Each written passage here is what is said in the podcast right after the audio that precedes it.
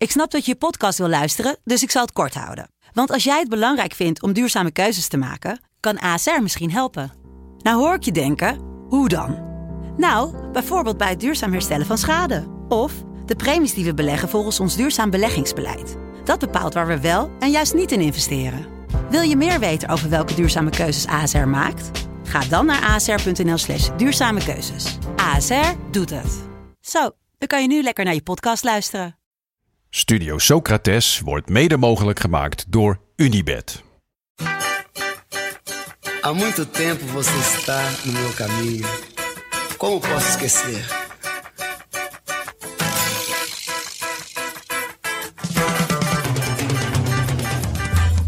Welkom bij Studio Socrates, een podcast over alles wat voetbal mooi maakt.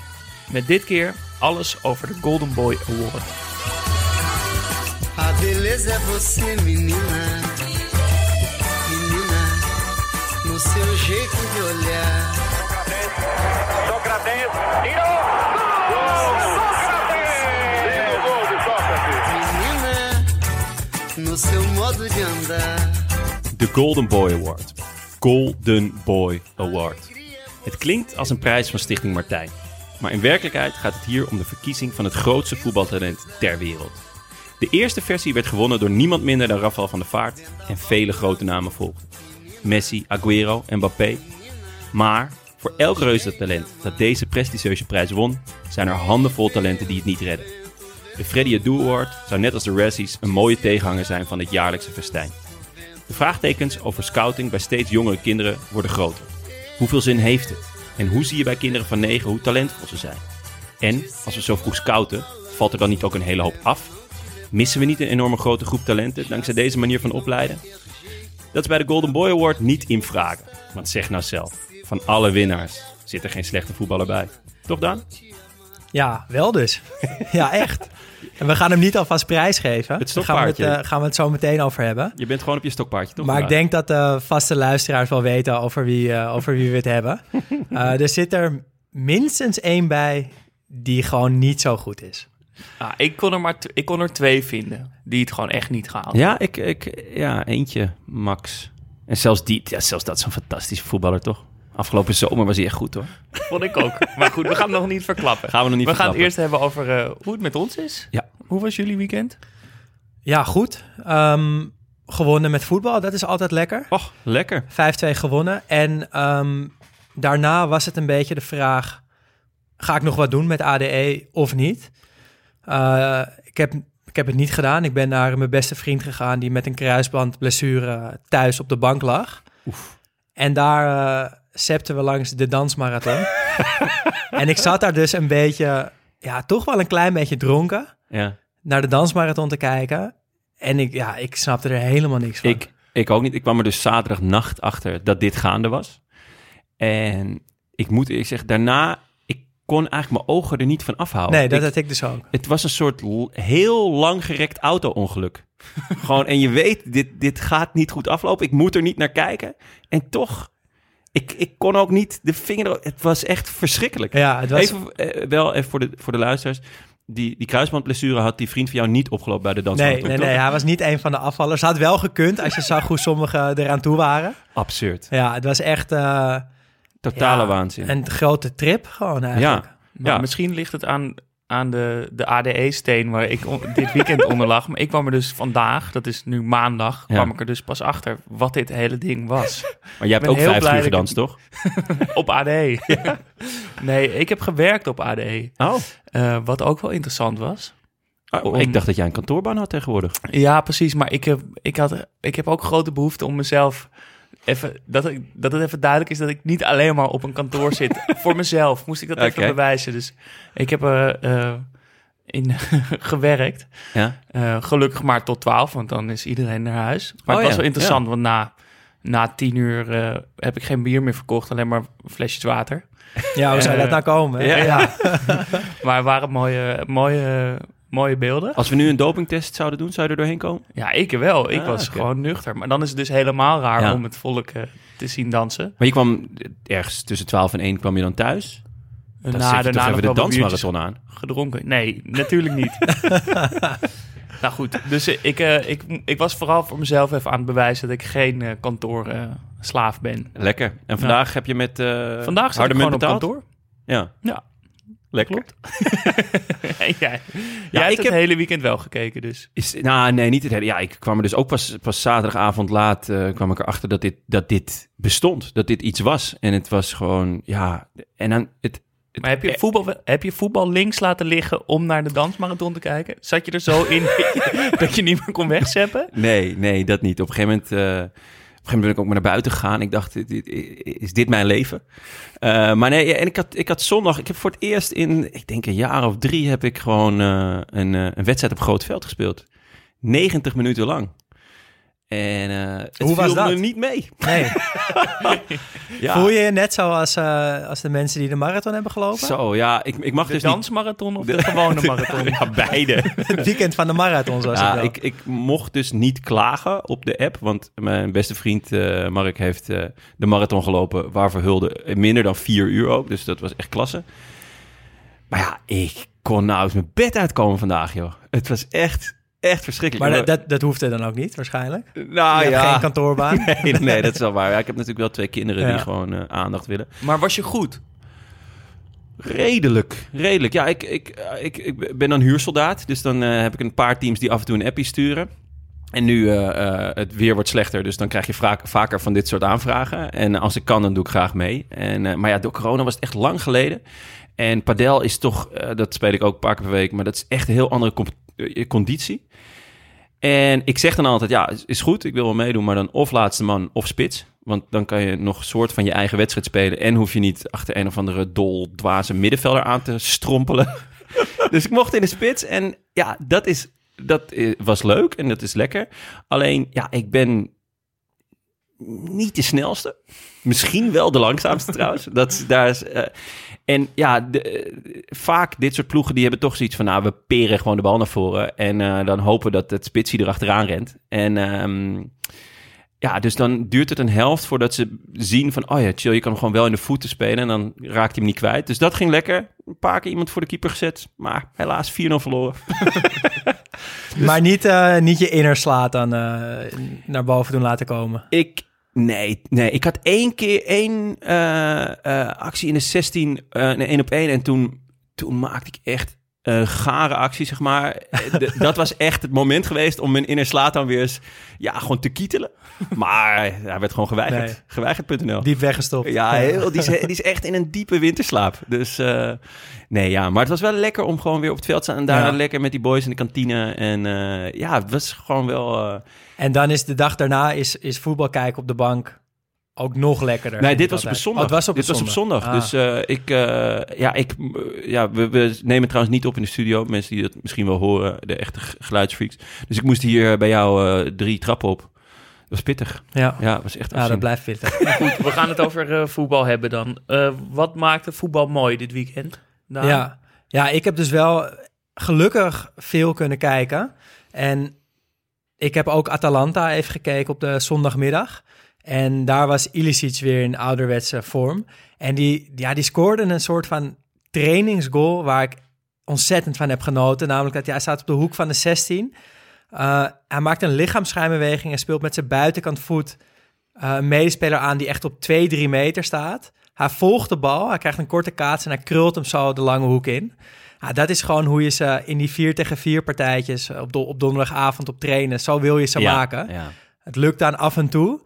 Maar in de wedstrijd is dat gewoon echt een ander verhaal. Ja. En hij is ook hij is het type speler die zo'n goal maakt. Ja. Hij is gewoon te oud, te traag, links. ik heb het er nu bijna elke week over en dat ga ik ook blijven doen. Ja. Maar ja, het was echt, uh, echt een wondergoal toch wel? Ja, ik vond het heel vet. Uh, dit is een beetje uh, als je op voetbal gaat ja. en je gaat voor het eerst op training afwerken op goal.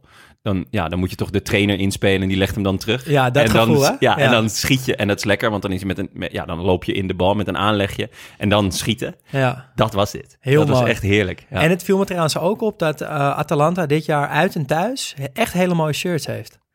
Ja? Ja, we hebben het lang niet over shirts meer Ja. gehad. Het is me Ja. opgevallen. Maar ja, neem een kijkje zou ik zeggen. Terwijl uit ze en die thuis, rare heel mooi. Joma-shirts hebben. Ja, maar dat, ik vind het logo van Joma eigenlijk toch best mooi.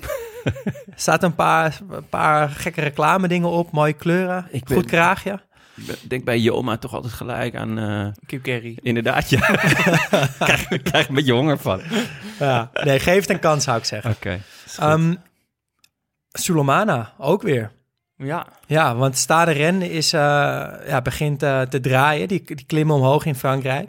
En Sulemana maakte echt weer een wondergoal. Zo. Eh, Een soort van met een straatvoetbalactie op rechts in de 16 tussen twee man door.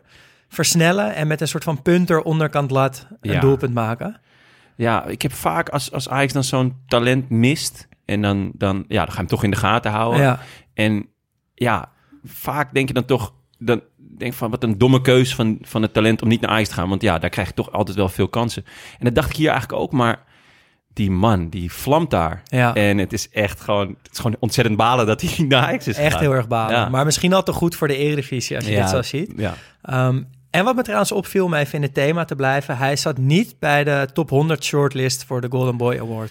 maar dat kan Dat niet lang meer duren. Ja. Volgend jaar staat hij erop. Ja, dat is wel opvallend. En eh, misschien, ja, dat is dan een beetje de vraag of ze ook wel echt naar, die, naar de echt kleine competities kijken. Denemarken is natuurlijk nog wel wat minder dan de Eredivisie. Ik denk het niet. Nee, ik denk hè? het niet. En Maar daar gaan we zo, dat- ja, eh, gaan gaan we het zo over hebben. Ja. En nog heel even om terug te komen op de tips van vorige week. Telstar Volendam. Eh, de Vissers Derby, die tipte ik. Heb Ja. ik ook even gekeken. Er werd veel gevist. Eh, ja, zeker. En Plet was bezig met lekker mannen uitkappen. Hij scoorde nog bijna met een omhaal. Twee heerlijke assists van Daryl van Michem. Eh, oud teamgenoot van mij, dus dat was leuk om te zien. Ja. En Boy Dul, die voor mijn gevoel ook al 30 jaar of zo eh, bij Volendam voetbalt, was ook echt heel goed. Dus daar heb ik van genoten. En ik heb ook de tip van Michel eh, opgevolgd. Wel de samenvatting gekeken, maar Cincinnati met de Medunjaan in, Oh ja. weer ja. verloren. Ai, Ja. toch. Weer verloren. Dat is ongelukkig.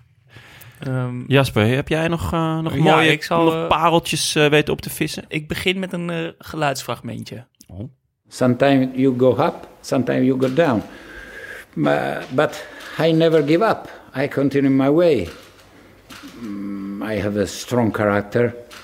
I am so young and I want to continue. Why you are laughing?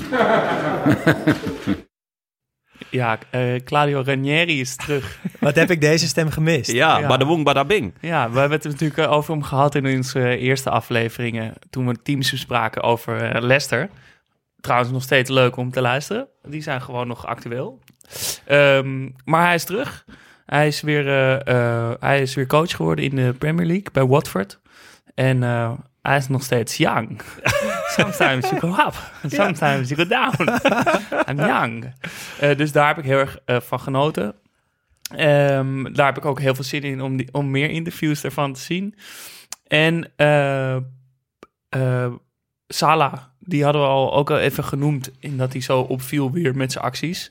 Nu dus tegen Ranieri, weer met zo'n wereldgoal.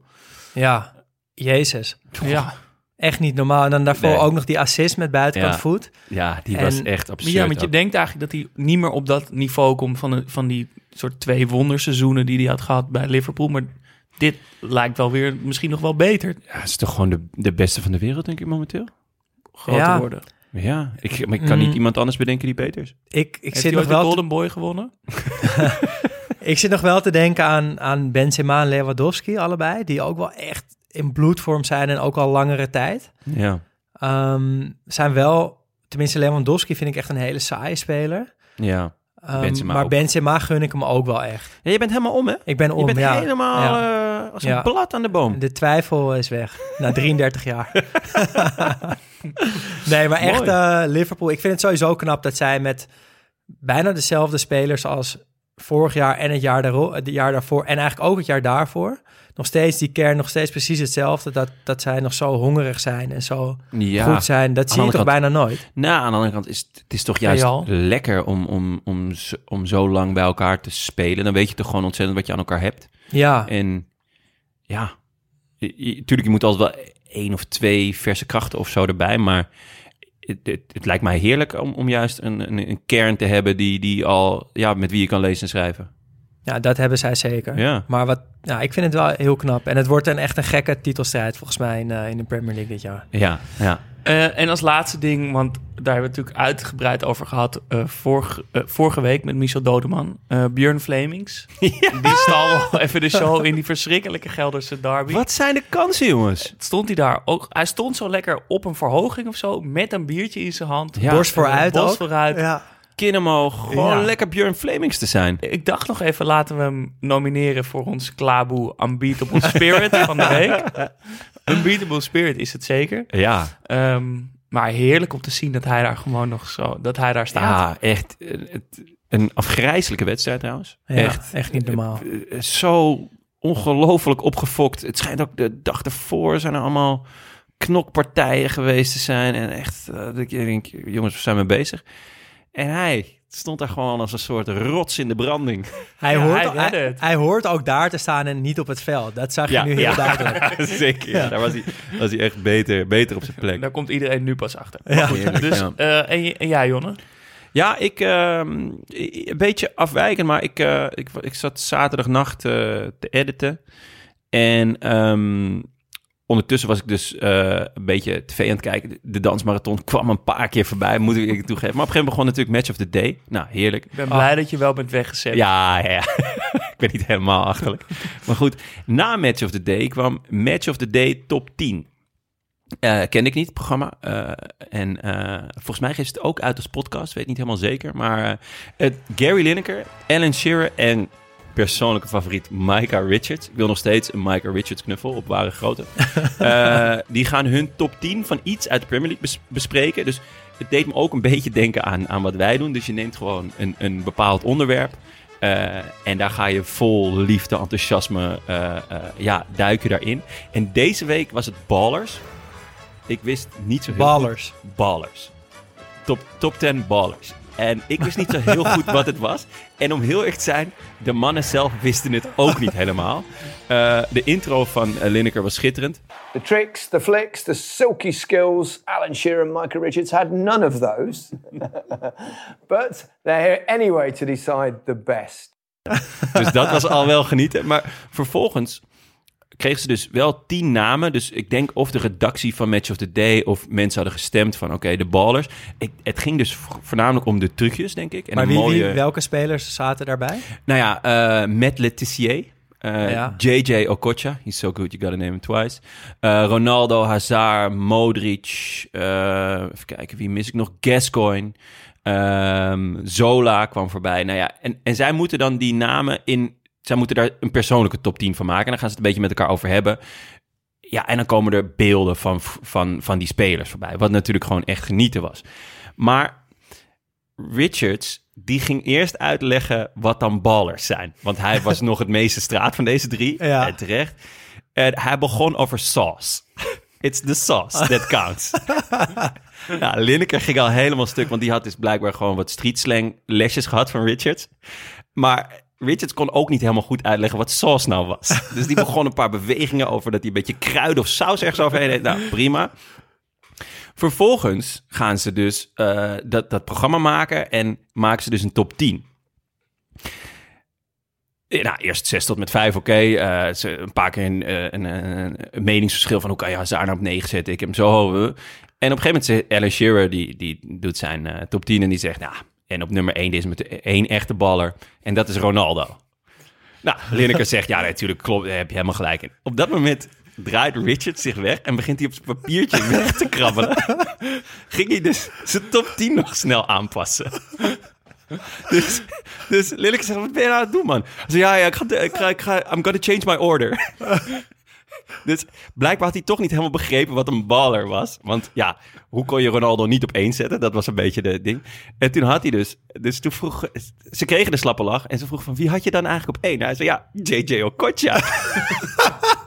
en toen ging ze kijken. Toen had hij hem niet naar nummer 2 verplaatst, maar naar nummer 6. nou, toen was de, het, het feest was echt compleet. Ik kan het iedereen aanraden. Op BBC iPlayer kan je terugkijken. Het programma duurt een half uurtje. Er kwam ook nog een schitterende anekdote van Lineker voorbij over Gascoigne. Eh, dat ze een keer naar de club wilden met z'n allen. Ze waren met een half team van weet ik veel waar ze toen speelden. En eh, ze konden geen taxi krijgen en het lukte niet. En toen heeft Gascoigne dus een bus aangehouden. Gewoon een stadsbus. die, de, de chauffeur bleek fan te zijn. Dus die heeft ze gewoon naar de club gebracht. en al die andere mensen in de bus die, die, ja, die wel gewoon naar die haltes moesten. Ja, die zaten een beetje te kijken wat gebeurt hier. Dus Lineker zei van, kunnen we dit wel maken? En toen keek hij achterom. En toen was Gascoigne, de hele bus, aan het dirigeren. En ze waren met z'n allen... We're all going on a summer holiday aan het zingen.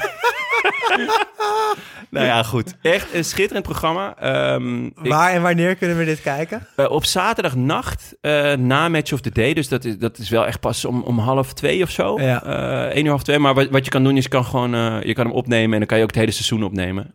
Als je, als je, de, als je die, die optie hebt. Ik doe dat altijd. En dan kan je hem gewoon checken wanneer je wil. En anders BBC iPlayer. En dan moet je eventjes via een VPN. Maar eh, het is echt, echt een schitterend programma. Klinkt waanzinnig. Ja, het is echt ontzettend leuk. Echt heel erg leuk. Heerlijk. Nou, ik ga het sowieso kijken. Ja. Eh, verder nog iets? Ehm, ja, oh ja. De goal van Quinten Timber. De 5-1? De 5-1. Ja. Eh, fenomenale goal, toch? Die wou ik graag eh, nomineren voor de eh, Mika Nurmela Award. En dat is? Leg even uit. Mika Nurmela, kennen jullie niet? Ja, ik, die ken ik wel. Schitterende, eh nou schitterend. Oud Herenveen, toch? Oud Heerenveen, rechtsbuiten. Vins, beetje dikker. Was Ja. sneller dan hij eruit zag. Maar hij had vooral een patent op wereldgoals bij grote achterstanden. dus hij maakte dan een wereldgoal. Lekker niche ook weer dit. Ja, maar dan, dan mocht hij dus niet juichen, want dan stond ze al 4-0 achter. Maar dat is een heel typisch juichje die je dan doet, toch? Ja. Maar met een soort ingehouden Ja, vuistje, maar dan wel ook Ja. boos teruglopen en Ja. iedereen een beetje meeroepen naar de midden, Ja, middenstip. Of als je echt al in de laatste drie minuten zit, een beetje zo moedeloos. Van ja, wel een wereldgoal, maar ja. Toch nog wel. Ik mag niet eens juichen, ja. Dus eh, ja, het was echt een, echt een schitterende goal. Eh, en eh, dus ja, de Mieke Nurmela Award, boys. De eerste winnaar daarvan. Ja. Nou ja, de eerste no nominee. Het seizoen is nog, Oh ja, nog lang, hè? oké. Het seizoen Ja. is nog lang. We Eerste houden het in de gaten. Dan gaan we naar eh, ons Klaboe-item. Eh, voor de mensen die nog niet hebben gehoord wat we vorige week hebben uitgelegd. We gaan elke week iemand nomineren voor de Unbeatable Spirit Award. En Unbeatable Spirit is waar Klaboe voor staat. Klaboe eh, maken voetbalshirts. En met de opbrengst daarvan richten ze sportclubs op in vluchtelingenkampen over de hele wereld. Eh, niet, niet alleen voetbal, het is breder dan dat. eh, maar er wordt ook gevoetbald en de shirts die ze maken zijn voetbalshirts. En eh, als je die koopt, gaat het geld naar het vluchtelingenteam. Daar zijn wij heel erg fan van. Ja, zeer Hele aardige mensen maken mooie shirts. En wij willen ze graag supporten. Dus we geven hun aandacht in de vorm van dit item. De Unbeatable Spirit. Dat is hun slogan. Dus wij nomineren elke week iemand die zich de Unbeatable Spirit getoond heeft. eh, op een maatschappelijke manier, of een sportieve manier, of persoonlijke manier. Bijzondere manier. Een bijzondere manier. Vorige week hadden we junior Messias. Messias, ja, die eh, nu op zijn dertigste toch profvoetballer geworden is. Ja. En Eh, deze week? Deze week wordt het Region. Ja. Ja. Want eh, ja, veel mensen hebben het misschien wel al meegekregen. In, eh, in de wedstrijd van Tottenham eh, tegen Newcastle wordt er een fan onwel op de tribune. Ja. En dankzij attent optreden van de spelers van Tottenham vooral. is- Ja, die hadden, het, die hadden het door eh, dat er iets gaande was. En eh Region is toen heel snel naar de, naar de scheids gegaan. En eh, Eric Dyer die heeft toen heel snel ook eh, is naar de zijkant gegaan en heeft eh, de, de medische staf erbij gehaald. Ja, Uiteindelijk is is gewoon de wedstrijd stilgelegd. stilgelegd. Ja, Omdat er iemand op de tribune onwel werd. ja. en die, is, En, die hij is leeft. uiteindelijk... Ja, hij, ja, hij heeft Vrij het stabiel. Ja, ja en eh, Region die werd na afloop geïnterviewd en die zei, die zei dit erover. I saw one guy uh, lying down, uh, and one man is doing like this. I say, I was very nervous. I, I went to the to the referee. Say, referee, look this. We cannot play like this. Uh, stop the match. And the the referee and the linesman look there, and stop the match. Uh, Now I think it's okay, right? I think Yes, I think here he's in a That's the stable more, important than, condition, than yes. everything. That is Yes. more important. Yes. Ja. Mooi hoor. Eh, ontzettend, ja. En heel adequaat gereageerd. En gewoon eh hop die wedstrijd stil. En eh, En focus om die, Supergoed. eh, om die fan eh, ja, te redden. Denk je dat, eh, dat er adequater wordt gereageerd na dat moment van Eriksen? Dat er toch meer bewustzijn is of schrik? Of, eh, Ja, volgens mij was het aantal eh, aanvragen voor eh, een EHBO-cursus of zo'n reanimatiecursus was enorm omhoog gegaan al Ja. daarna. En ja, het, eh, het gebeurt toch wel vaak op een voetbalveld. En gelukkig hebben ze nu overal zo'n zo'n kastje. Ja, ik denk wel dat het echt als voorbeeld heeft gediend. Ja. Toch? Dat de region Ja. heeft het ook gezien. En die, ik denk wel dat hij daardoor nu sneller die link legt van meteen in actie komen, meteen handelen. Ja. En dat heeft hij echt goed gedaan. Dus volgens mij eh, een terechte uitverkiezing voor ons eh Studio Socrates Klaboe team. Unbeatable Eh, Spirit. Unbeatable Spirit. Ja. En ga dus vooral even naar die website toe.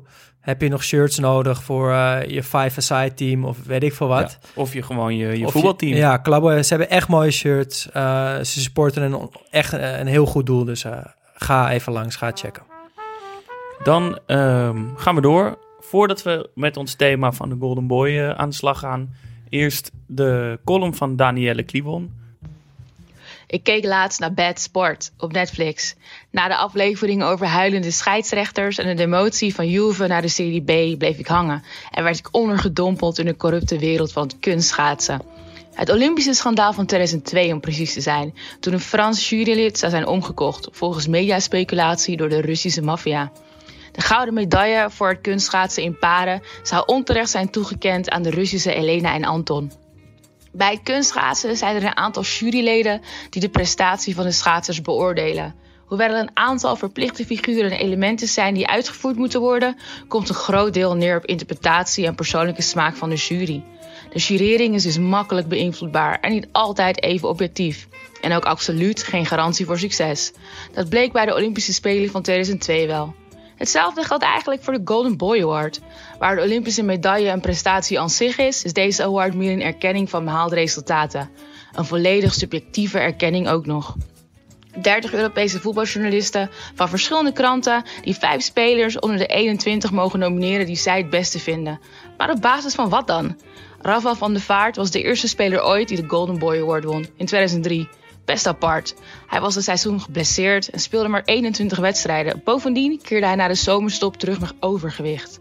Hij scoorde wel 18 goals, waarvan een hele belangrijke tegen Olympique Lyon in de Champions League.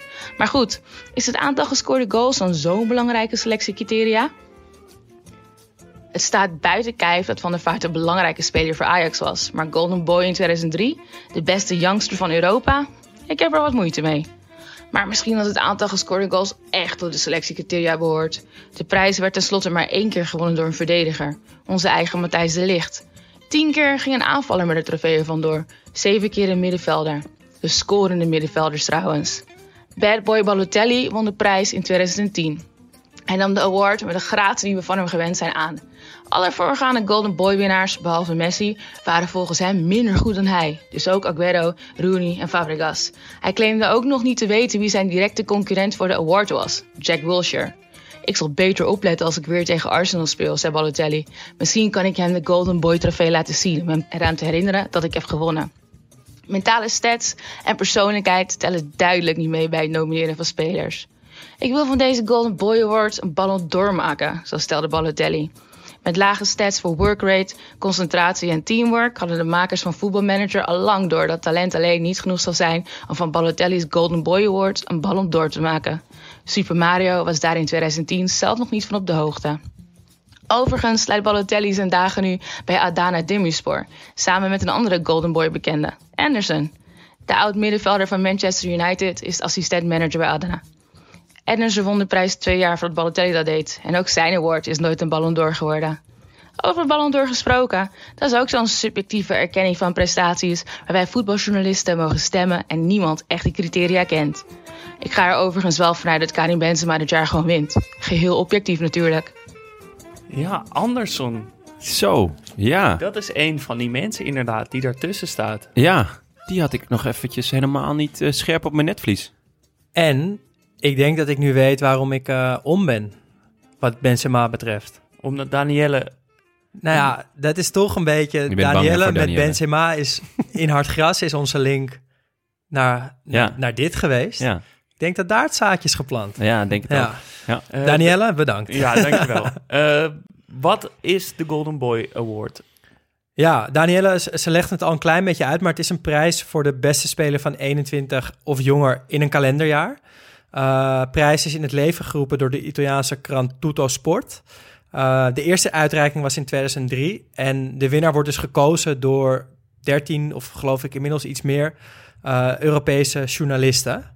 En om heel eerlijk te zijn, wist ik dat eigenlijk nog niet. Nee, ik eigenlijk ook niet. En ik vind dat ook wel best Schokkend. raar. Want ik zag dat in Nederland de Telegraaf eh, afgevaardigde nou ja, aanwijst om te stemmen. De krant van Zwakker Nederland. Precies. En dat zijn dan dus waarschijnlijk Mike Verwij en Valentijn Driessen.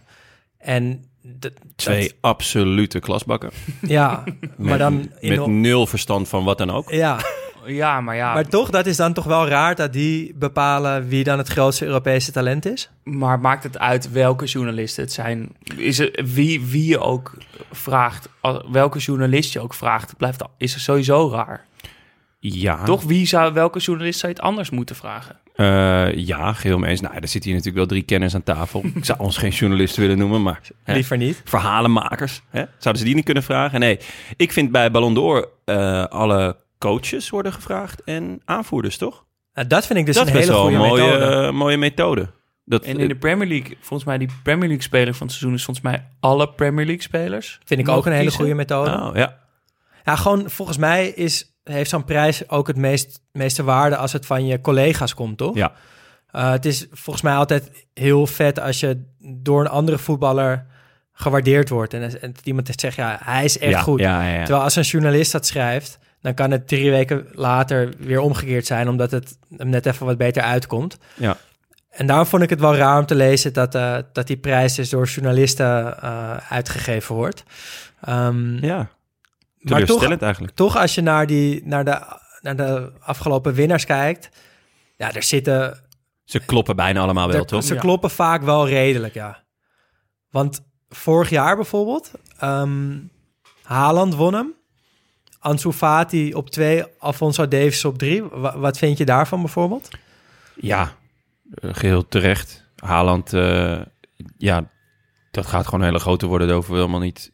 Maar ja, ik denk dat het beste als we gewoon kijken naar... Het is vanaf 2003 Ja. eh, ehm, is deze verkiezing gemaakt. Van de Vaart, Rooney, Messi, Fabregas, Aguero, Anderson, Pato, Balotelli, Gutsen, Isco, Pogba, Sterling, Martial, eh, Renato Sanchez, Mbappé, De Ligt en Joao Felix. Ja, je kan ze heel snel opnoemen, want iedereen kent ze. Ja. En iedereen weet, ja, die, die hebben vervolgens bij de grootste clubs gespeeld.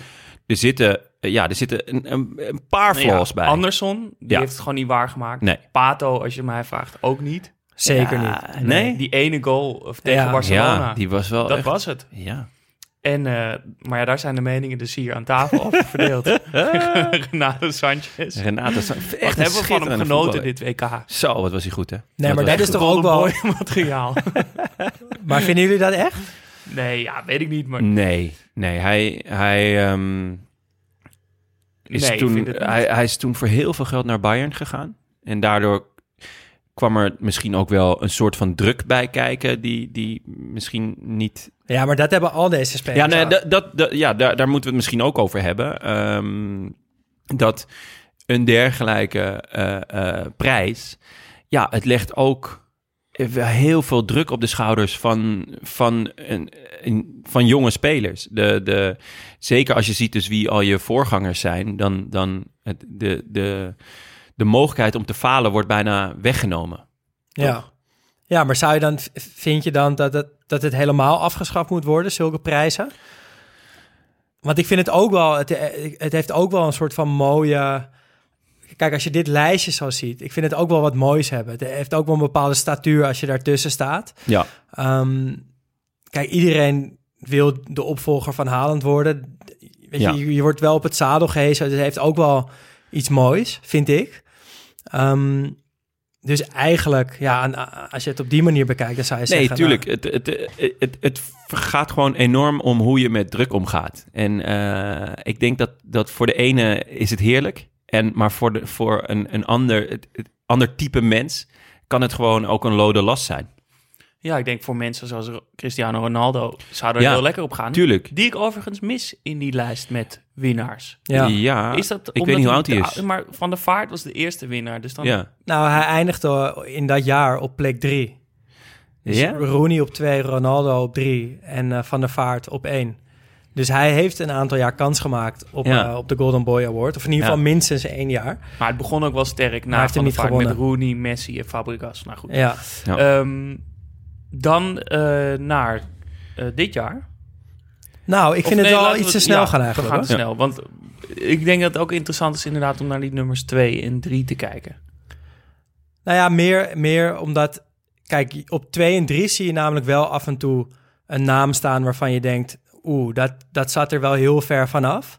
Als je bijvoorbeeld in 2018 kijkt naar de nummer 3, Justin Kluivert. Nou, die is in drie jaar dan echt wel heel ver afgezakt. Uh, want die speelt nu bij Nice. En dat gaat uh, absoluut niet naar behoren. In 2014, als je kijkt wie achter Sterling nummer 2 werd, vond ik ook heel opmerkelijk. Milik, Ja. Die toen bij Ajax zat net, daar wel aan de lopende band scoorde. Bij Polen toen ook een hele goede periode had. Maar waarvan je nu toch ook niet zou zeggen... Ah, die was wel zo goed, die, die had een Golden Boy Award verdiend. Ja. Vond ik heel nummers opmerkelijk. 1, die kloppen eigenlijk bijna dus allemaal wel. Maar die nummers 2, daarna d- verwatert het een Nou beetje. ja, Bellerin op nummer 3 in 2015 is ook heel snel afgezakt. El Sharawi. El Sharawi. En zo zijn er nog wel wat voorbeelden van. En dat, ja, dat bracht... Weet je, toen ging ik een beetje denken van... kan je talent dan wel voorspellen of een waarde geven? Is dat... Nou ja, de, de, dat, de, ik, dat zei ik in de intro ook. Ehm, eh, clubs scouten steeds jonger. En daar eh, begint eh, nogal wat kritiek op te ontstaan. Want ja, je gaat steeds jonger, meer uit angst dat je een talent mist. Maar de, de echte talenten, de grote talenten, die komen eigenlijk altijd wel bovendrijven. Ehm, maar met, met ehm, ja, onze manier van scouten, wa- wat veel clubs doen, je, je haalt dus een aantal jongens binnen, maar je sluit er op datzelfde moment ook heel veel buiten. Dus vanaf welke leeftijd kan je nou zeggen: Oké, ja, eh, ik weet zeker dat jij een, een, een groot talent bent. Ik denk dat eh, van alle winnaars kan je zeggen: van inderdaad, dat, dat, dat, dat kon je zien op dat moment. Maar ehm, hoe jonger eh, je gaat scouten, hoe meer aandacht dan die jongens ook krijgen vanaf dat moment. En alles wat aandacht krijgt, dat groeit. Dus het is ook een soort van self-fulfilling prophecy. Maar het is maar de vraag eh, of je niet een hele grote groep talenten mist. En ik denk bij deze eh, verkiezing onder 21, dan heb je al wel door van, ja, dit zijn talenten. Dus dan, dan heb je zelden tot nooit een mishit. Eh, Maar dus- dat doet me een beetje denken aan, aan het Brentford-model... wat we Ja. twee weken geleden bespraken. Nou ja. Die hun hele jeugdopleiding hebben opgedoekt... maar met een heel gericht gescout onder 21-team werken. Ja. Is, is dat dan iets waarvan je denkt... Het lijkt mij... eh, het- dat, gaat, dat werkt beter? Nou ja, het, li- het lijkt mij een stuk logischer. Omdat, ehm, nou ja, bijvoorbeeld eh, de, op de correspondent schrijft eh, Michel de Hoog regelmatig over, over, ook over het geboortemaand-effect. Dus je ziet in, in het profvoetbal een hele hoge vertegenwoordiging van, van jongens die in januari en februari zijn geboren. Omdat die waarschijnlijk dan gewoon al een groeispeurt hebben gehad. Eh, die zijn dus groter en sterker. Ja, dan val je op in de jeugd. Ja. Op een gegeven moment ben je uitgegroeid en uitge, eh, eh, ja, het zowel in de lengte als in de breedte. En dan niveleert er een hoop. Maar ja, daardoor mis je dus ook een hele hoop talenten. Kijk naar mij, hè? 1 oktober, jongens. we Eh, kunnen gewoon onze geboortedatum de schuld geven. ja, zeker. mislukte Dat doe ik al jaren, Jasper. Dat doe ik al jaren. Oké, we gaan naar dit jaar. Ja. Want eh, wie zijn er in de rudding?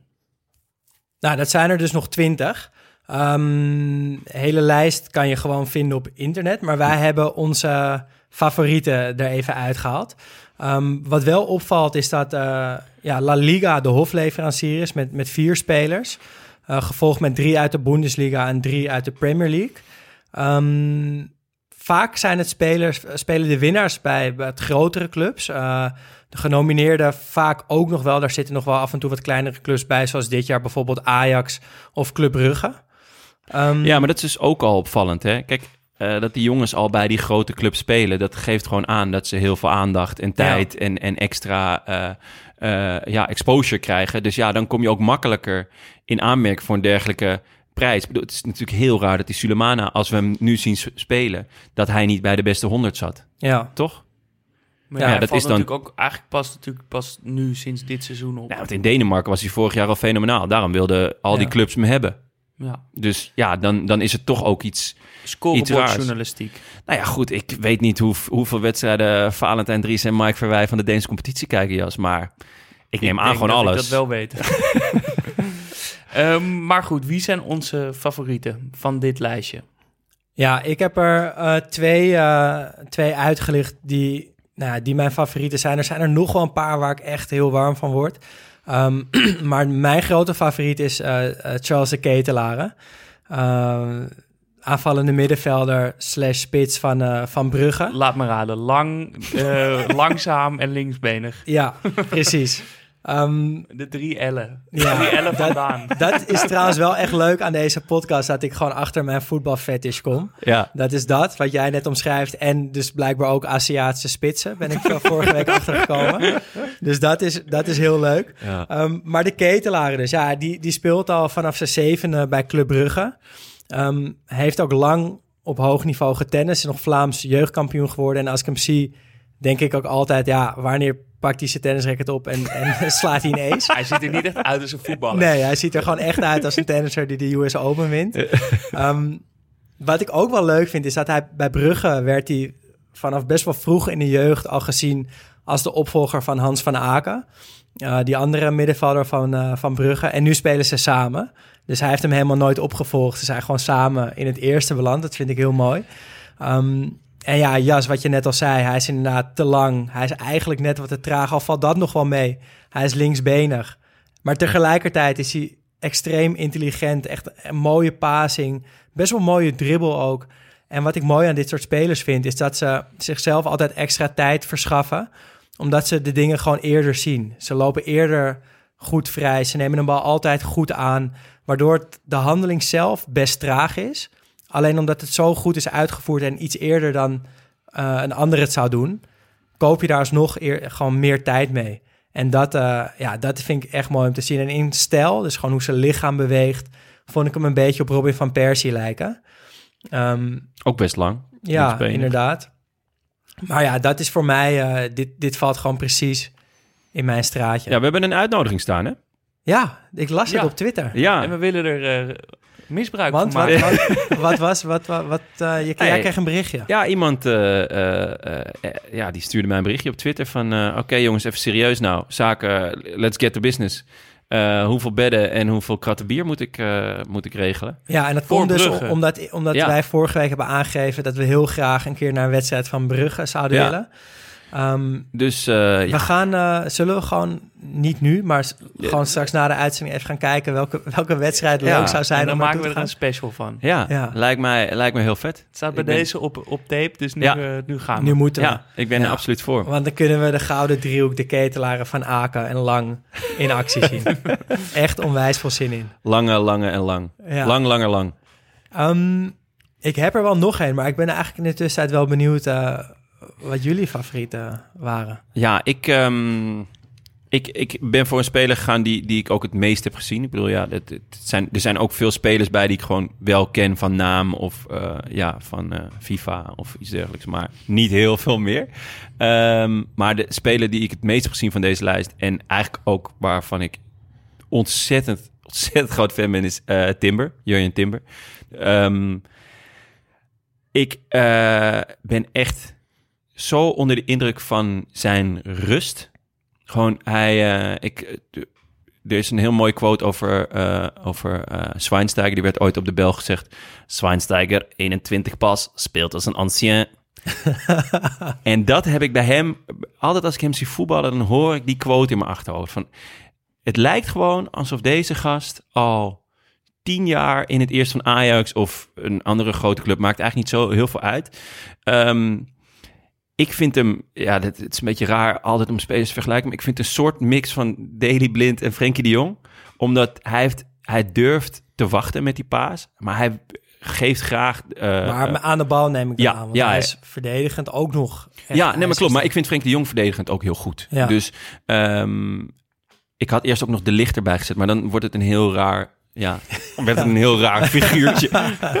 kan je ook net allemaal net de verkeerde kwaliteit Ja, van alle drie. Nee, dus ehm, hij speelt heel graag in. Dus heel graag de, die ballen door de linies. Ik las laatst een interview met hem ook dat hij heel erg eh, eh, afkijkt bij Daily Blind, hoe hij dat dan doet. Eh, die altijd, eh, Daily die ook wel delay wordt genoemd, toch? Ja. Omdat hij, omdat hij Ja. durft te wachten. Daardoor verschaft hij zich net wat meer mogelijkheden, maar neemt hij ook meer risico.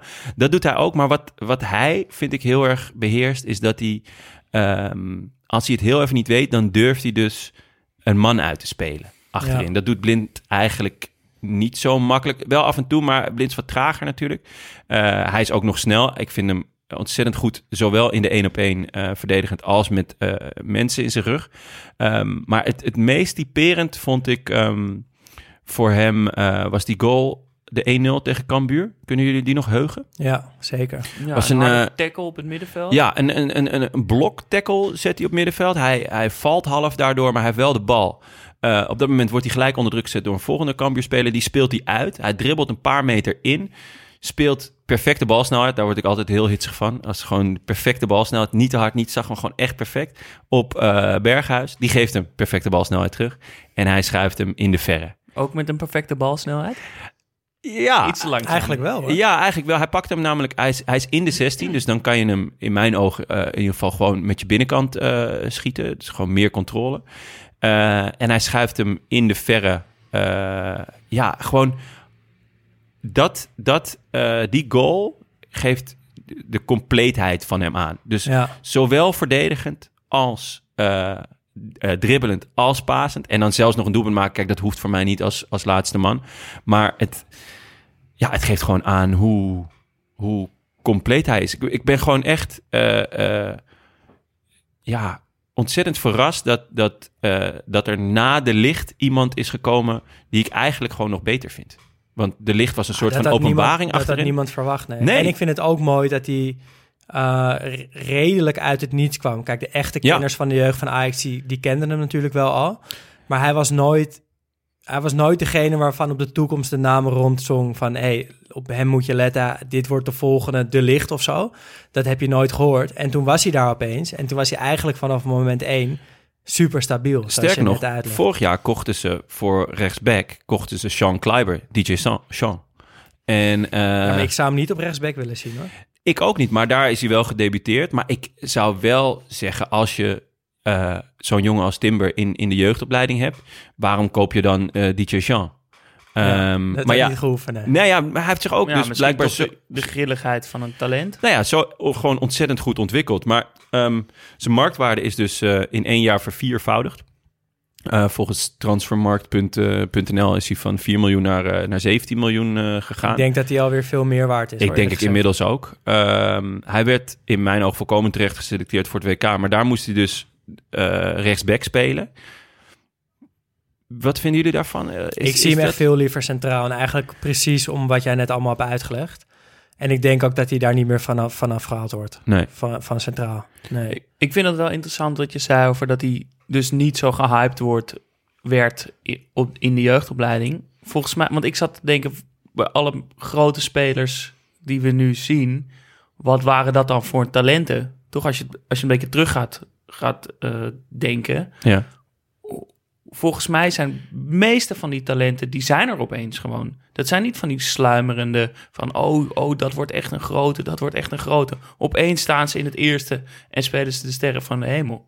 Er zijn Ja. natuurlijk een paar van die uitzonderingen op. Ja, maar je hebt- maar ik denk je dat hebt je heel veel van die spelers die inderdaad altijd worden eh, gehyped. En die, die maken het Ja, misschien als je niet ook, waar, Ja, misschien mij. als je te vroeg wordt gehyped, dan ga je toch ook, eh, nou ja, zegt Kief toch altijd, een beetje in jezelf geloven. Ja, maar of zo'n Xavi Simons bijvoorbeeld Ja. nu, die wordt al zijn hele leven gehyped als, als de nieuwe Messi, volgens Ja. mij.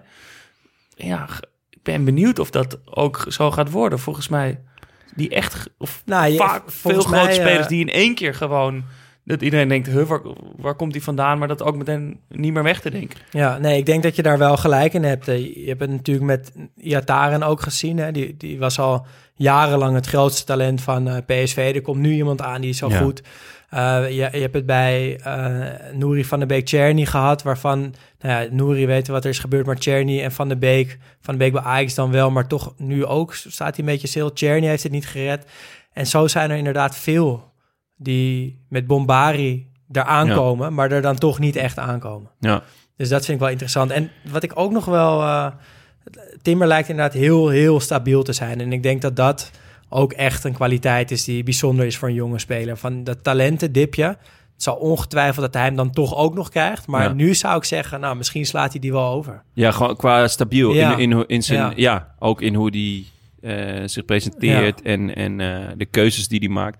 En wat, en wat, zouden, jullie, wat, wat zouden jullie zeggen? Want Gravenberg is ook, eh, staat ook in de top 20. Ja, Wie vinden jullie een groter talent? Ja, ik denk Timber eigenlijk. ik denk, En waarom? ik denk het ook. Nou, dat Gravenberg is dat de wat grilliger. Die kan af en toe een wedstrijd, of hij is wat laconieker of zo. En het, je mist denk ik wat Timber wel heeft, dat hij gewoon elke wedstrijd staat hij er gewoon.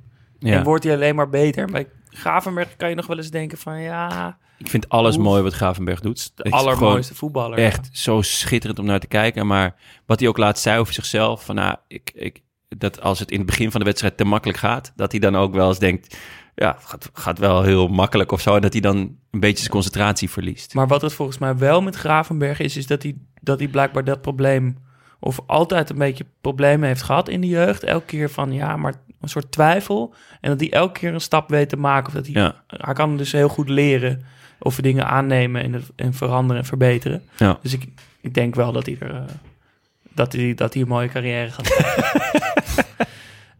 maar Ja, goed, ehm, Wat was jouw, eh, jouw favoriet van ja, het lijstje? mijn is puur omdat ik het moeilijk vind om er iemand uit te kiezen. Want ja, het zijn allemaal wereldvoetballers. Eh, kies ik puur op romantiek, namelijk Maldini. Ja, ik was zo gelukkig dat hij ertussen stond. Ja, ehm, Maar en ik was, ook ik was gelijk geïrriteerd hoor. Want Ja, maar waarom heet hij dus, niet denk Daniele? Waarom heet hij Daniel? Oh, daar. Daarom. Ja, Eh, dat vind ik gewoon vervelend. Ja, maar ga door, ja. ga door. Ehm, nou, want ik vind het zo opvallend dat dit is dus al de derde generatie Maldini. En die wordt dan dus ook nog eens genomineerd voor een Golden Boy. Dus dan ben je niet alleen maar de naam van je vader en je opa. Dan ben je dus ook heel goed. Ja, Wat volgens mij nooit voor, voorkomt. En even om te schetsen, dus die familie waar die vandaan komt. Ehm, sinds 1954 spelen de Maldini's bij Milan. Cesare Maldini was aanvoerder en coach. De, eh, daarna Paolo, ja. dat weten we allemaal, ook aanvoerder. En nu Daniel. Ehm, ja, volgens mij, je ziet wel eens inderdaad dus dat een zoon ook voetballer wordt. Maar je gaat, nu, je gaat nu het woord niet noemen. Welk woord? Mal Dynasty. Mal Dynasty. Ja, dat, dat, Hij, staat, hij staat in het dokje en je, Ja, maar je jij hebt gooit hem gewoon niet eruit. ik Jij heb het erbij gezet. Oh, Ja. Ik, Nou, ik wilde jij het, niet voor het gras voor je voeten Nou wegmaken. ja, die, die kunnen we niet laten liggen toch, jongens? Nee, maar je hebt wel gelijk. Dat, dat, eh, ja, dit gaat dus van, van vader op zoon en dan op de En dan volgende dus- zoon. Ja, En wat echt hij, bijzonder eh, is. Oh, en wat ik dus ook nog wilde zeggen... is dat Cesare en Paolo dus het, e- al het enige vader-zoon duo zijn... wat ooit de, allebei de Champions League won. Precies 40 jaar na elkaar. Ehm, ja, dus dat is al zo groot. Dat is al bijna onmogelijk, toch? Om in de voetstappen van je, in de voetsporen van je vader te treden. Dat dat nu misschien wel voor de derde keer gaat Ja. gebeuren. Maar ja, dan, dan, wat dat betreft de is deze prijs natuurlijk wel fijn voor hun. In ieder geval dat hij genomineerd is. Want ja, je kan natuurlijk op je naam best ver komen. Eh, Zeker bij kan je- Milan. je- zeker bij Milan, ja. Dus eh, dan is dit toch wel een bewijs dat hij, dat hij eh, daadwerkelijk ook iets kan. Ja, ik heb er alleen inhoudelijk verder vrij weinig op te zeggen. Ik heb hem één samenvatting zien spelen en daarna nog wat Ja. compilatietjes op. eh, nou, ik vond Is hij het- net ik zo mooi het, als zijn vader? Ik vond het opvallend. mooi. Ah, jammer. Ja, ik vond het opvallend dat hij gewoon bij Milan pas weinig gespeeld heeft. Hij heeft volgens mij pas elf wedstrijden gespeeld, waarvan meer dan de helft invalbeurten. Ehm, dus dat vond ik gewoon een beetje weinig om al geselecteerd te worden door de Golden Boy. Dus daarom dacht ik van, hè, zit er dan een soort van helpt die naam dan daarin misschien een beetje mee. Ja. Ehm, maar ik, ja, ik durf dus ook niet te zeggen of hij, hoe goed hij nou is. Uh, maar hij zal vast niet zonder reden hier tussen staan. Um, van wie ik nog echt heel groot fan uh, ben, is Florian Wiertz van Leverkusen. Ja. Um, ik hoorde voor het eerst van hem toen Peter Bos daar trainer was, twee, drie jaar geleden. Um, twee seizoenen geleden was dat, denk ik. En hij liet hem heel veel spelen, terwijl hij pas 17 was. En hij Havertz moest opvolgen, die toen naar Chelsea uh, transfereerde. Um, en ja, dat, Bos vond dat allemaal niet zo'n probleem. Die zei, deze man is zo goed. Dit is een talent wat je maar één of twee keer in je trainerscarrière meemaakt. En hij zei, ik heb het nu al twee keer meegemaakt. Dat was met De Licht en nu met Wiertz. En Bos zei, ja, wat ik altijd doe met dat soort spelers... Uh, ik speel een positiespel 4 tegen 4 plus 3. Dus met op de, lange zijde een kaatser. Uh, en in het centrum een vrije man. En ik geef dat grote talent aan die positie. Van ga maar in het midden staan, ga maar regelen. En hij zei, wat hij toen deed, gewoon links, rechts, binnenkant, buitenkant, elke aanname goed, geen enkele keer balverlies. Meteen mensen al aansturen, neerzetten. Hij zei, dit heb ik echt bijna nog nooit gezien. Um, en Wiertz, ja, die is het gewoon nu ook aan het waarmaken. Hij, hij speelt nu inmiddels wat vaker. Uh, dit seizoen negen wedstrijden, zes goals en zes assists. Heerlijk dat dat ook uh, Vind je fijn, in balans bij volgende voetbalfetish Ja, ik wou net zeggen, daar komt er nog een fetish voorbij, ja. En hij is uh, ja, ook in de manschaft uh, gedebuteerd. En ik vond dat Fliek, de bondscoach, dat ook zijn kwaliteiten daar ook echt schitterend verwoorden. Hij zei, het is een enorme aanvulling op de selectie vanwege de zorgeloosheid waarmee hij voetbalt. nou, dat vond ik zo mooi omschreven. Ja. Gewoon die, dat je gewoon, ik, ik, zie gewoon een beeld voor me dat je je kiksen aantrekt, je, je kousen zitten ja. nog een beetje scheef, je loopt gewoon naar het veld op en je gaat lekker voetballen en bent dan ook nog uh, een van de beste. Ik vind dat echt een, echt een heel mooi uh, compliment. En hij voetbalt ook zo. Ik wou net zeggen, maar ik vind het eigenlijk voor alle jongens waar we het over hebben gehad, Maldini weten we niet. Maar nee. voor de rest, uh, de ketelaren. Uh, ja, die, heeft dat, die straalt het ook uit. Timber heeft het ook en, uh, en Gravenberg heeft het ook. Ja. Ja. Gewoon inderdaad van, ja, lekker voetballen. Ja. Strijd hebben, acties maken. En Wiertz, ja, gewoon altijd de oplossing vooruit. Achter elke paas gedachte, heel creatief. Kan een man passeren over op het veld. En heeft dus ook rendement. En dat is iets wat jonge spelers soms nog wat minder hebben, maar hij heeft echt al ja. een heel hoog rendement. Deelt nog wel eens een pannetje uit. Ook, ja. Sidaantje af en toe. Ja, is echt, uh, echt een geweldige speler. En verder ben ik ook al ja, echt fan van Greenwood uh, en van Bellingham. Scoorde ook echt een geweldige goal dit weekend. Ja, schitterende goal, ja. Ja, en Bellingham, uh, ja, dat, ik heb, ik weet niet, ik vond die transfer van hem toen twee jaar terug van Nottingham Forest naar Dortmund. Ik vond dat zo'n vette transfer van het Championship naar de Bundesliga. Uh, ja, ik zelden zo benieuwd geweest. Ja, ik, ik ben wel benieuwd wat, welke van de competities, want er zijn toch wel veel. Uh, het zijn toch de, voornamelijk de grootste competities waar deze genomineerden uit voortkomen. Welke competitie zien jullie als het beste voor talenten? Want bij, toen de, de ranglijst nog om, om 50 namen ging, toen stond Duitsland bovenaan. En toen hebben ze hem dus naar 20 teruggebracht. En nu is het dus Spanje, gevolgd door Duitsland en Engeland. Um, ja, in mijn ogen uh, is Engeland, lijkt mij dramatisch om als jonge speler te spelen. Ik heb niet het idee dat je daar veel kansen krijgt. Um, ik denk ik, dat je daar wel gelijk in hebt. Ik vond Duitsland eigenlijk een heel... De, daar zie je toch wel veel uh, uh, jongens ja. doorbreken. Maar volgens mij de... Um... Ja, want op deze lijst ook Musiala en Adeyemi die in Duitsland voetballen. En in Engeland inderdaad, Greenwood zit nog, nou speelt nu wel veel, maar zit ook geregeld op de bank. Um, Sancho staat er nu niet meer op, maar heeft jaren op deze lijstjes gestaan. Speelt ook niet in Engeland. Saka. Zit ook nog wel af en toe op de bank. Ja, Engeland ja. lijkt me moeilijk voor, uh, ja, voor en toch, talent. toch van, van alle winnaars, uh, dus vanaf 2003, het, het, het meeste uh, van iemand uit de Engelse competitie. Dus dat is dan toch ook wel weer... Maar als je het dan redt in Engeland, dan ben je ja, dus ook wel de, echt heel Dan goed. ben je gelijk heel goed, ja. ja. Leuk. Missen we iemand op dit lijstje nog? Nou, die nu niet geselecteerd Ik weet niet of ik mezelf nog als talent kan zien, maar... 1 oktober. ja, 1 oktober. Zo ongelukkig. Wel ja, fijn ik... voor alle mislukte voetballers die nu luisteren. We hebben een nieuw excuus. ik mis uh, Phil Foden ja, echt heel erg. Ja. En verder iets meer out of the box, maar Madueke vind Ja. ik ook wel iemand die hier tussen had kunnen staan. Eh Sulemana dus. Ja, maar Madueke was afgelopen jaar echt nog wel alleen maar invaller. Hè? Ja, klopt. Maar ja, wij zien hem dan wat vaker. Ja. Dus ik denk wel dat hij die Ja. potentie heeft. Is Gakpo nog jonger dan 21? Twijfel ik over. Weet ik even niet uit mijn hoofd. ouder. Net op het randje ouder. misschien. Maar anders zou dat ook een goede Ja, zijn. zeker. Zahovic, die Servische spits van eh, Fiorentina. En in Frankrijk heb je ook nog wel wat jonge talenten zoals Cherky van, eh, van Nice. Speelt hij nu geloof ik. Eh Sulemana dus. Ja.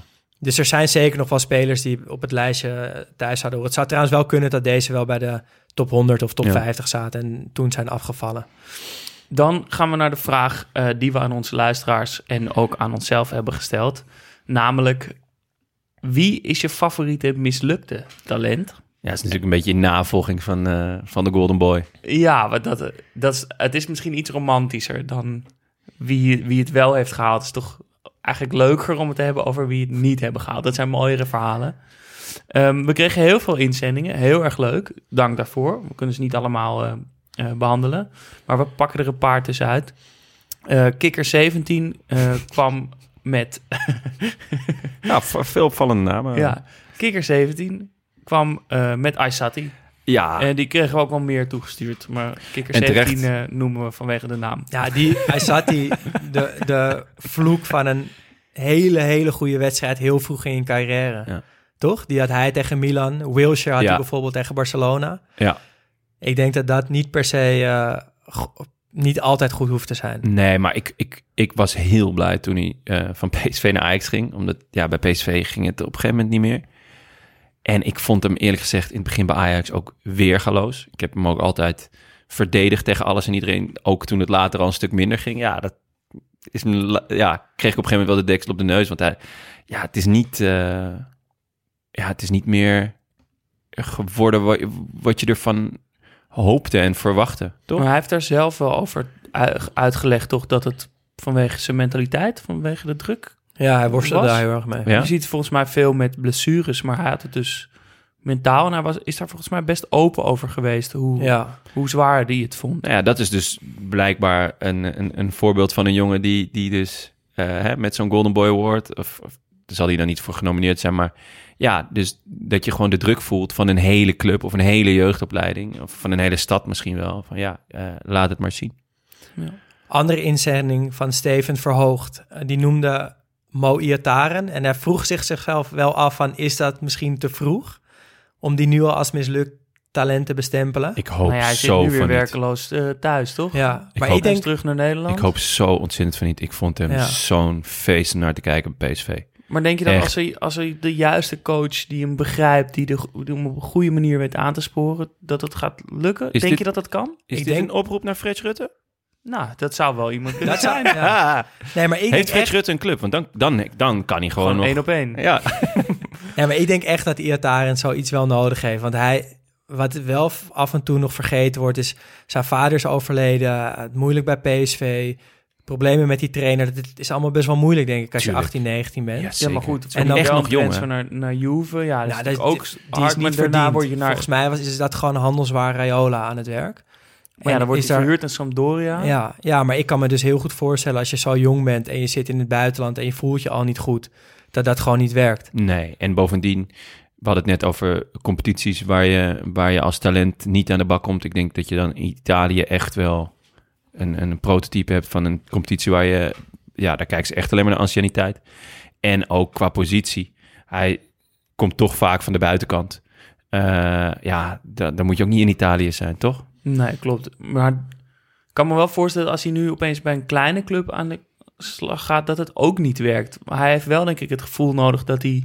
Ja, ik hoopte ontzettend, eh, maar ja, we worden nu een beetje een Ajax-podcast. Ik hoopte heel erg dat hij naar Ajax zou komen. Ehm, dan een inzending waar we heel blij mee waren. Ja. Niet, niet per se... Nou, ook vanwege eh, wie er werd ingezonden, maar vooral door wie het, wie het zei. Ik, wou ik glibberde bijna van mijn stoel. Ja, en het is jammer dat het geen voice memo was. Maar Hij we kunnen misschien een hij kleine he- impressie Hij doen. heeft er één beloofd, hè? Dus Ja. er komt nog een voice memo aan. Die zal dan zijn voor de volgende aflevering. Zal ik alvast de intro doen? Ja, graag. Hallo jongens van Studio Socrates. Paling hier. Ja, We hebben natuurlijk Hij over terug. Paling. Eh, onze, een van onze geliefde luisteraars die vorig seizoen veel heeft ingezonden. Ja, en met veel een, spraakberichten. eh, eh, met een heerlijk accent. Paling, we missen je. Ehm, en Paling kwam met eh, Van de Borren. Ja, kennen jullie hem nog? Ja, heel lang niet aan gedacht. Zo'n voetbalspelletjes eh, naam die, die Ja. daar altijd heel groot werd. Ja. Ja, een Belgische voetballer. Ik, ik moet altijd denken aan die kale kop met die enorme baard. baard. Ja. Volgens mij een beetje samen met Compagnie. Ja. Ik weet dat Compagnie van de Borren was, was altijd zo'n duo. Ja. Ja. want hij komt van Anderlecht inderdaad. En hij was daar een heel groot talent. Volgens mij echt een van de grootste talenten van België inderdaad op dat moment. En toen is hij bijna overal, of misschien wel overal mislukt. Totdat hij tien jaar later of zo, of, wat is het, zeven, acht jaar later... weer terugkwam bij Anderlecht. Waar het nog wel eventjes goed ging. Ehm, maar dat, ja, dat is totaal niet geworden wat we allemaal gedacht hadden. Dus nee. Beetje een bad boy, toch? ja, ook ja. Bad Ja. boy van de borren. Dan eh, naar het tegenovergestelde van een bad boy. BJP van den Berg kwam namelijk met Arnold Brugging. Ja, dat snap ik eigenlijk wel.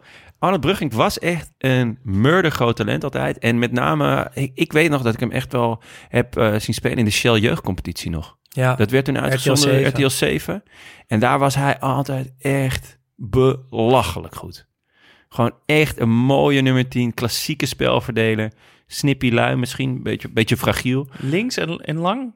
Nee. Nee, nee, nee. Ja, rechts- zie je, vandaar. re- Rechts, rechtspoot. En, eh, Hij, heeft, hij heeft het in Duitsland nog wel aardig gedaan. ja, bij PSV ook wel aardig. Ja, maar het is, Eh, het is niet geworden wat men ervan verwacht. Nee, het, Volgens echt- mij heeft hij, is hij een van de spelers met de meeste interlands voor Jong Oranje. Dat zegt ook altijd Ja, wel veel. ja, dan, ja, dan ja. ben je het toch net niet. Ja. Ehm, en dan, eh, wat zijn onze favoriete mislukte talenten?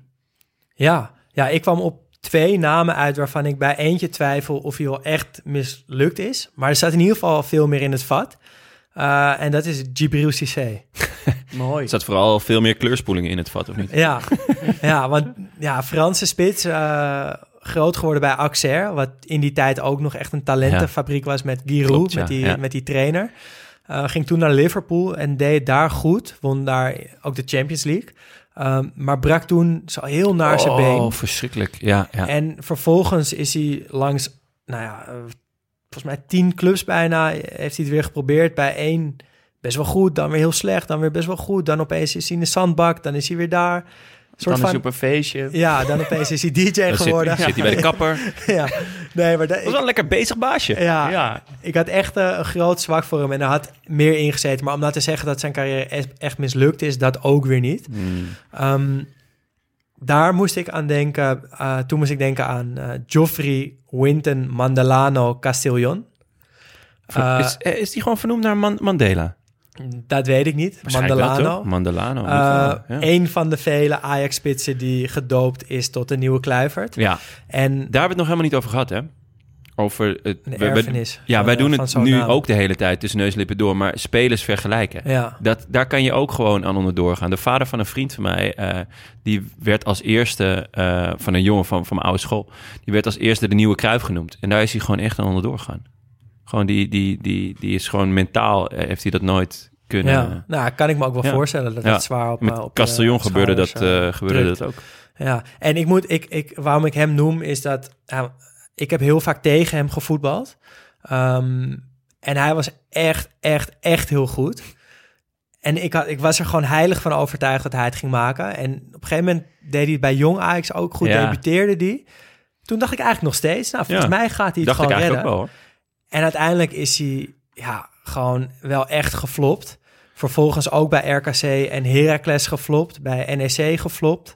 Ehm, en is nu via clubs in Roemenië, Hongarije, IJsland en Indonesië in Italië beland. Bij Como 1907. Dus misschien heb jij hem... De- eh, ik zag inderdaad laatst een type Castiello, maar ik dacht, dat zal toch niet? Nou, dat dat was zal toch niet? Jij die eh, ronde van eh, Lombardije kijken, of er opeens Castillon. Ja, nee, Verwacht die, niet. die heeft het dus niet. eh, echt niet gemaakt. Terwijl Ja. ik dacht dat, eh, dat dat hem zou gaan worden. Ja. mooi. Jij, Jonne? Ja, ik, ik, eh, ik vond het ook moeilijk. eh, maar uiteindelijk het, het talent der talenten. eh, ja, die mogen, we kunnen niet een hele aflevering hier aan wijden. En, en hem niet noemen is natuurlijk gewoon Freddy Adu. Ja. En ehm, ik heb er geen verhaal bij. En dat zegt gewoon genoeg. Maar ja, het verhaal van Freddy Adu is toch eigenlijk dat Amerika zo graag een wereldtalent wilde dat ze maar gewoon een van de beste gewoon hebben gedoopt tot de nieuwe Pele volgens mij. Ja. En gewoon En als je met een zijn- enorm marketingapparaat van Nike erachter Ja. en al- allemaal fotoshoots met Pele en alle Ja. dit dit Hoe oud denken jullie dat hij is? Geen idee. Hij was altijd 14 of zo al, toch? Voor mijn gevoel is hij inderdaad nog steeds 14. ja. Ik heb gehoord dat, eh, dat Benfica hem eh, wil hebben. Hoe oud denken jullie dat hij is? Ik denk dat hij eh, 36 is.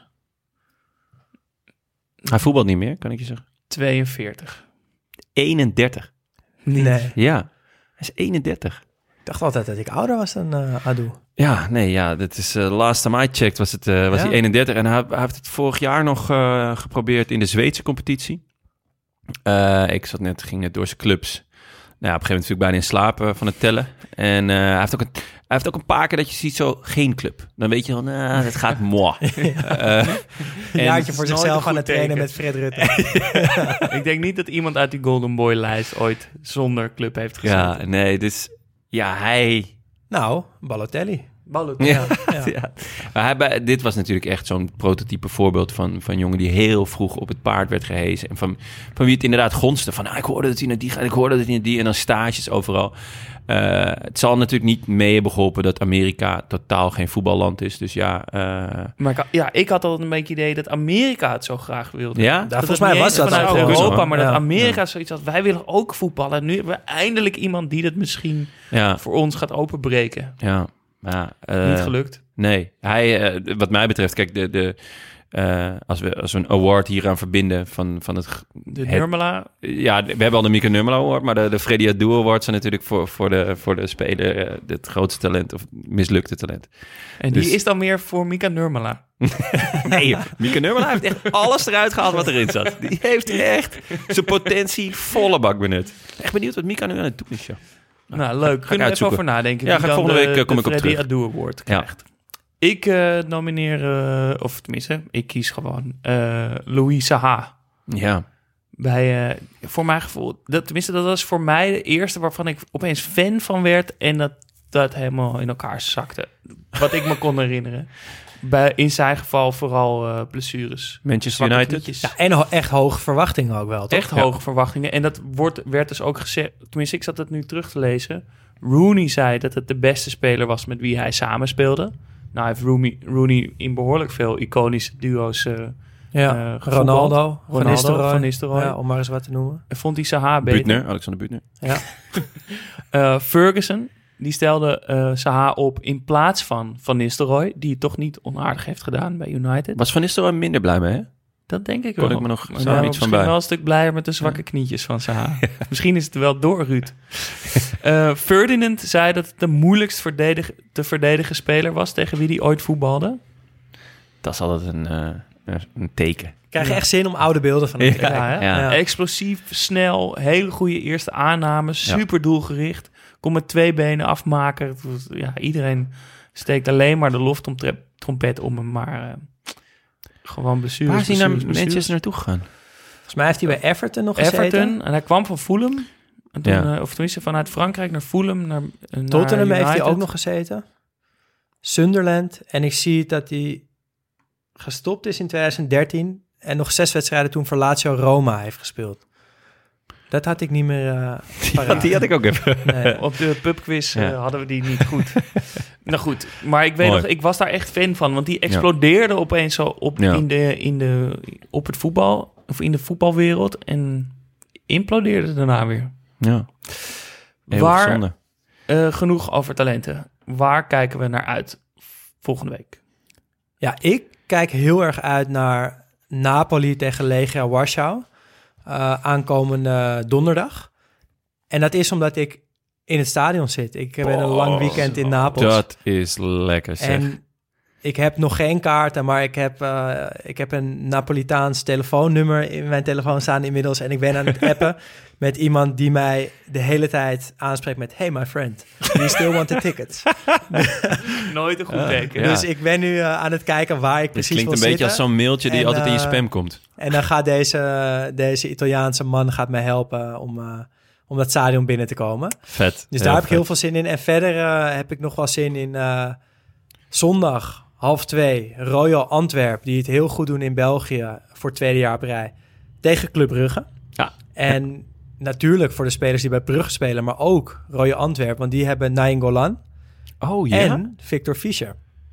Die speelt daar Wow, nu. over mislukte talenten gesproken. Ja. Ja, Ja, die kreeg daar wel, had ik eh, echt hoge verwachtingen was ook van. een Werd ook inzending van ingezonden, iemand. ja. Dus daar heb ik ook zin in. En eh, ik denk eh, dat we toch het Medunjaan in eh wedstrijdje erin moeten houden. Eh, thuis tegen Chicago Fire.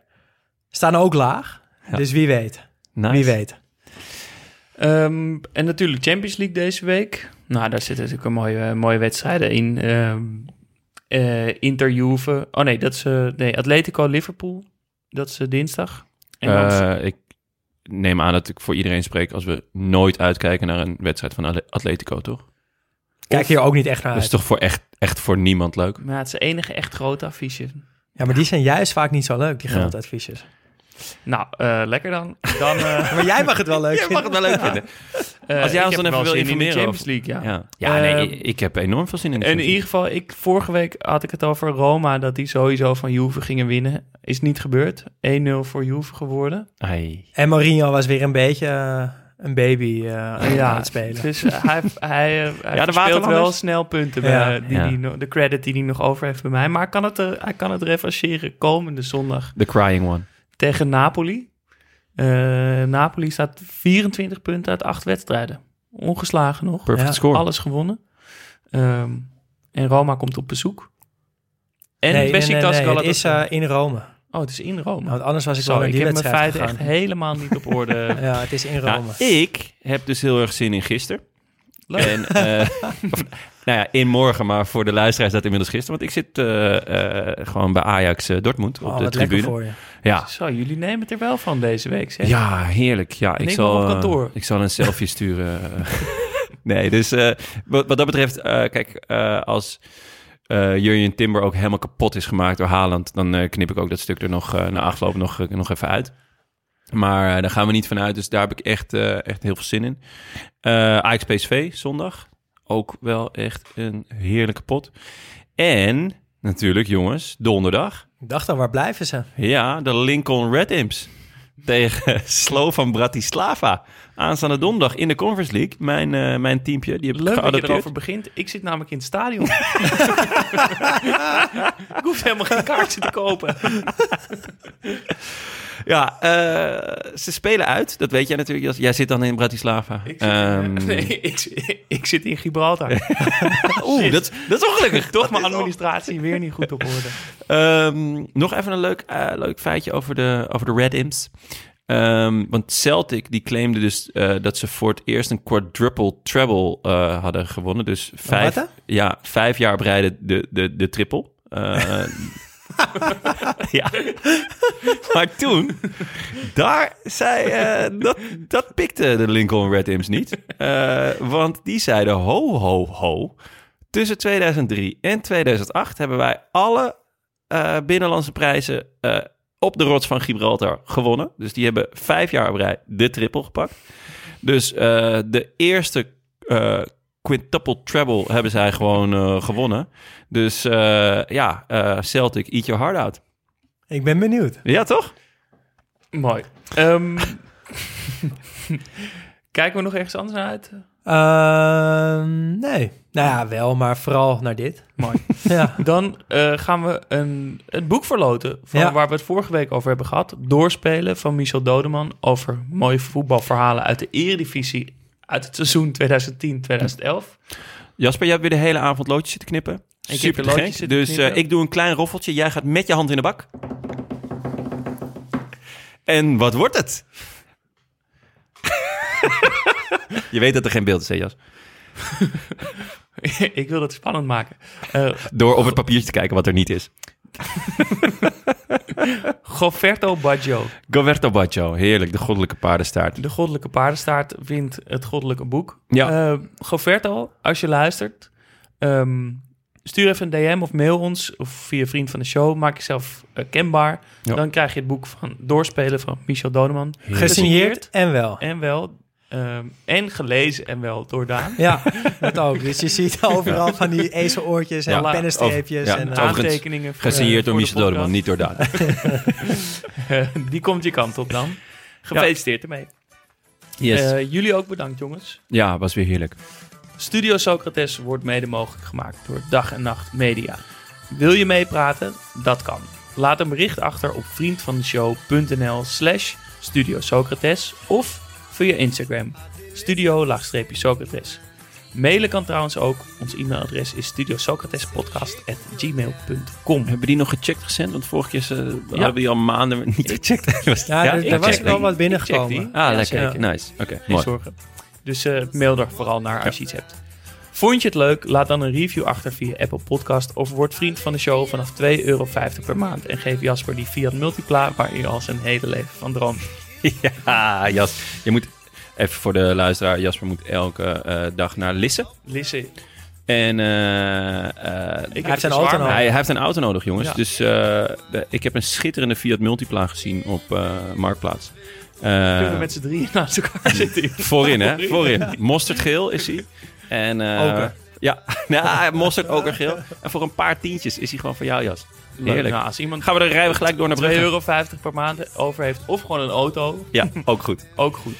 En we hebben weer een aantal nieuwe vrienden van de show. Dus we Zijn lekker onderweg. mee. Ja, zeker. Fabian, Matsu, Merel. Dat is mijn vriendinnetje. Die is eindelijk na weet ik veel hoeveel afleveringen vriend van de show Dat is geworden. wel eerder dan die van mij in ieder geval. Ehm, El Presidente. Ja, die, eh, dat is mijn teammanager.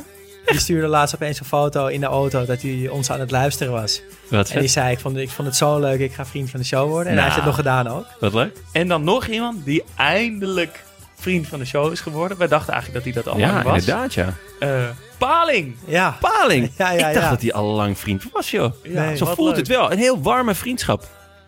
We voel, het voelt alsof we al jaren persoonlijk kennen. Ja, inderdaad. Dankjewel allemaal. En vooral ook natuurlijk Paling. Eh dankjewel jongens. Ja, tot volgende week. tot volgende week. Socrates was een muziekliefhebber. Hij hield van John Lennon, maar meer nog van Braziliaanse countrymuziek. Musica sertanejo. In 1980, hij speelde toen voor Corinthians, besloot hij de gitaar op te pakken en de studio in te duiken. Zingen kon hij eigenlijk niet, maar toch nam hij een album op. Casa de Caboclo. De cover is zalig, de muziek iets minder. Het werd een regelrechte flop. Maar toch, als je een echte fan bent van Socrates, zoals wij, dan is het toch lekker dat er een paar songs op YouTube te beluisteren zijn.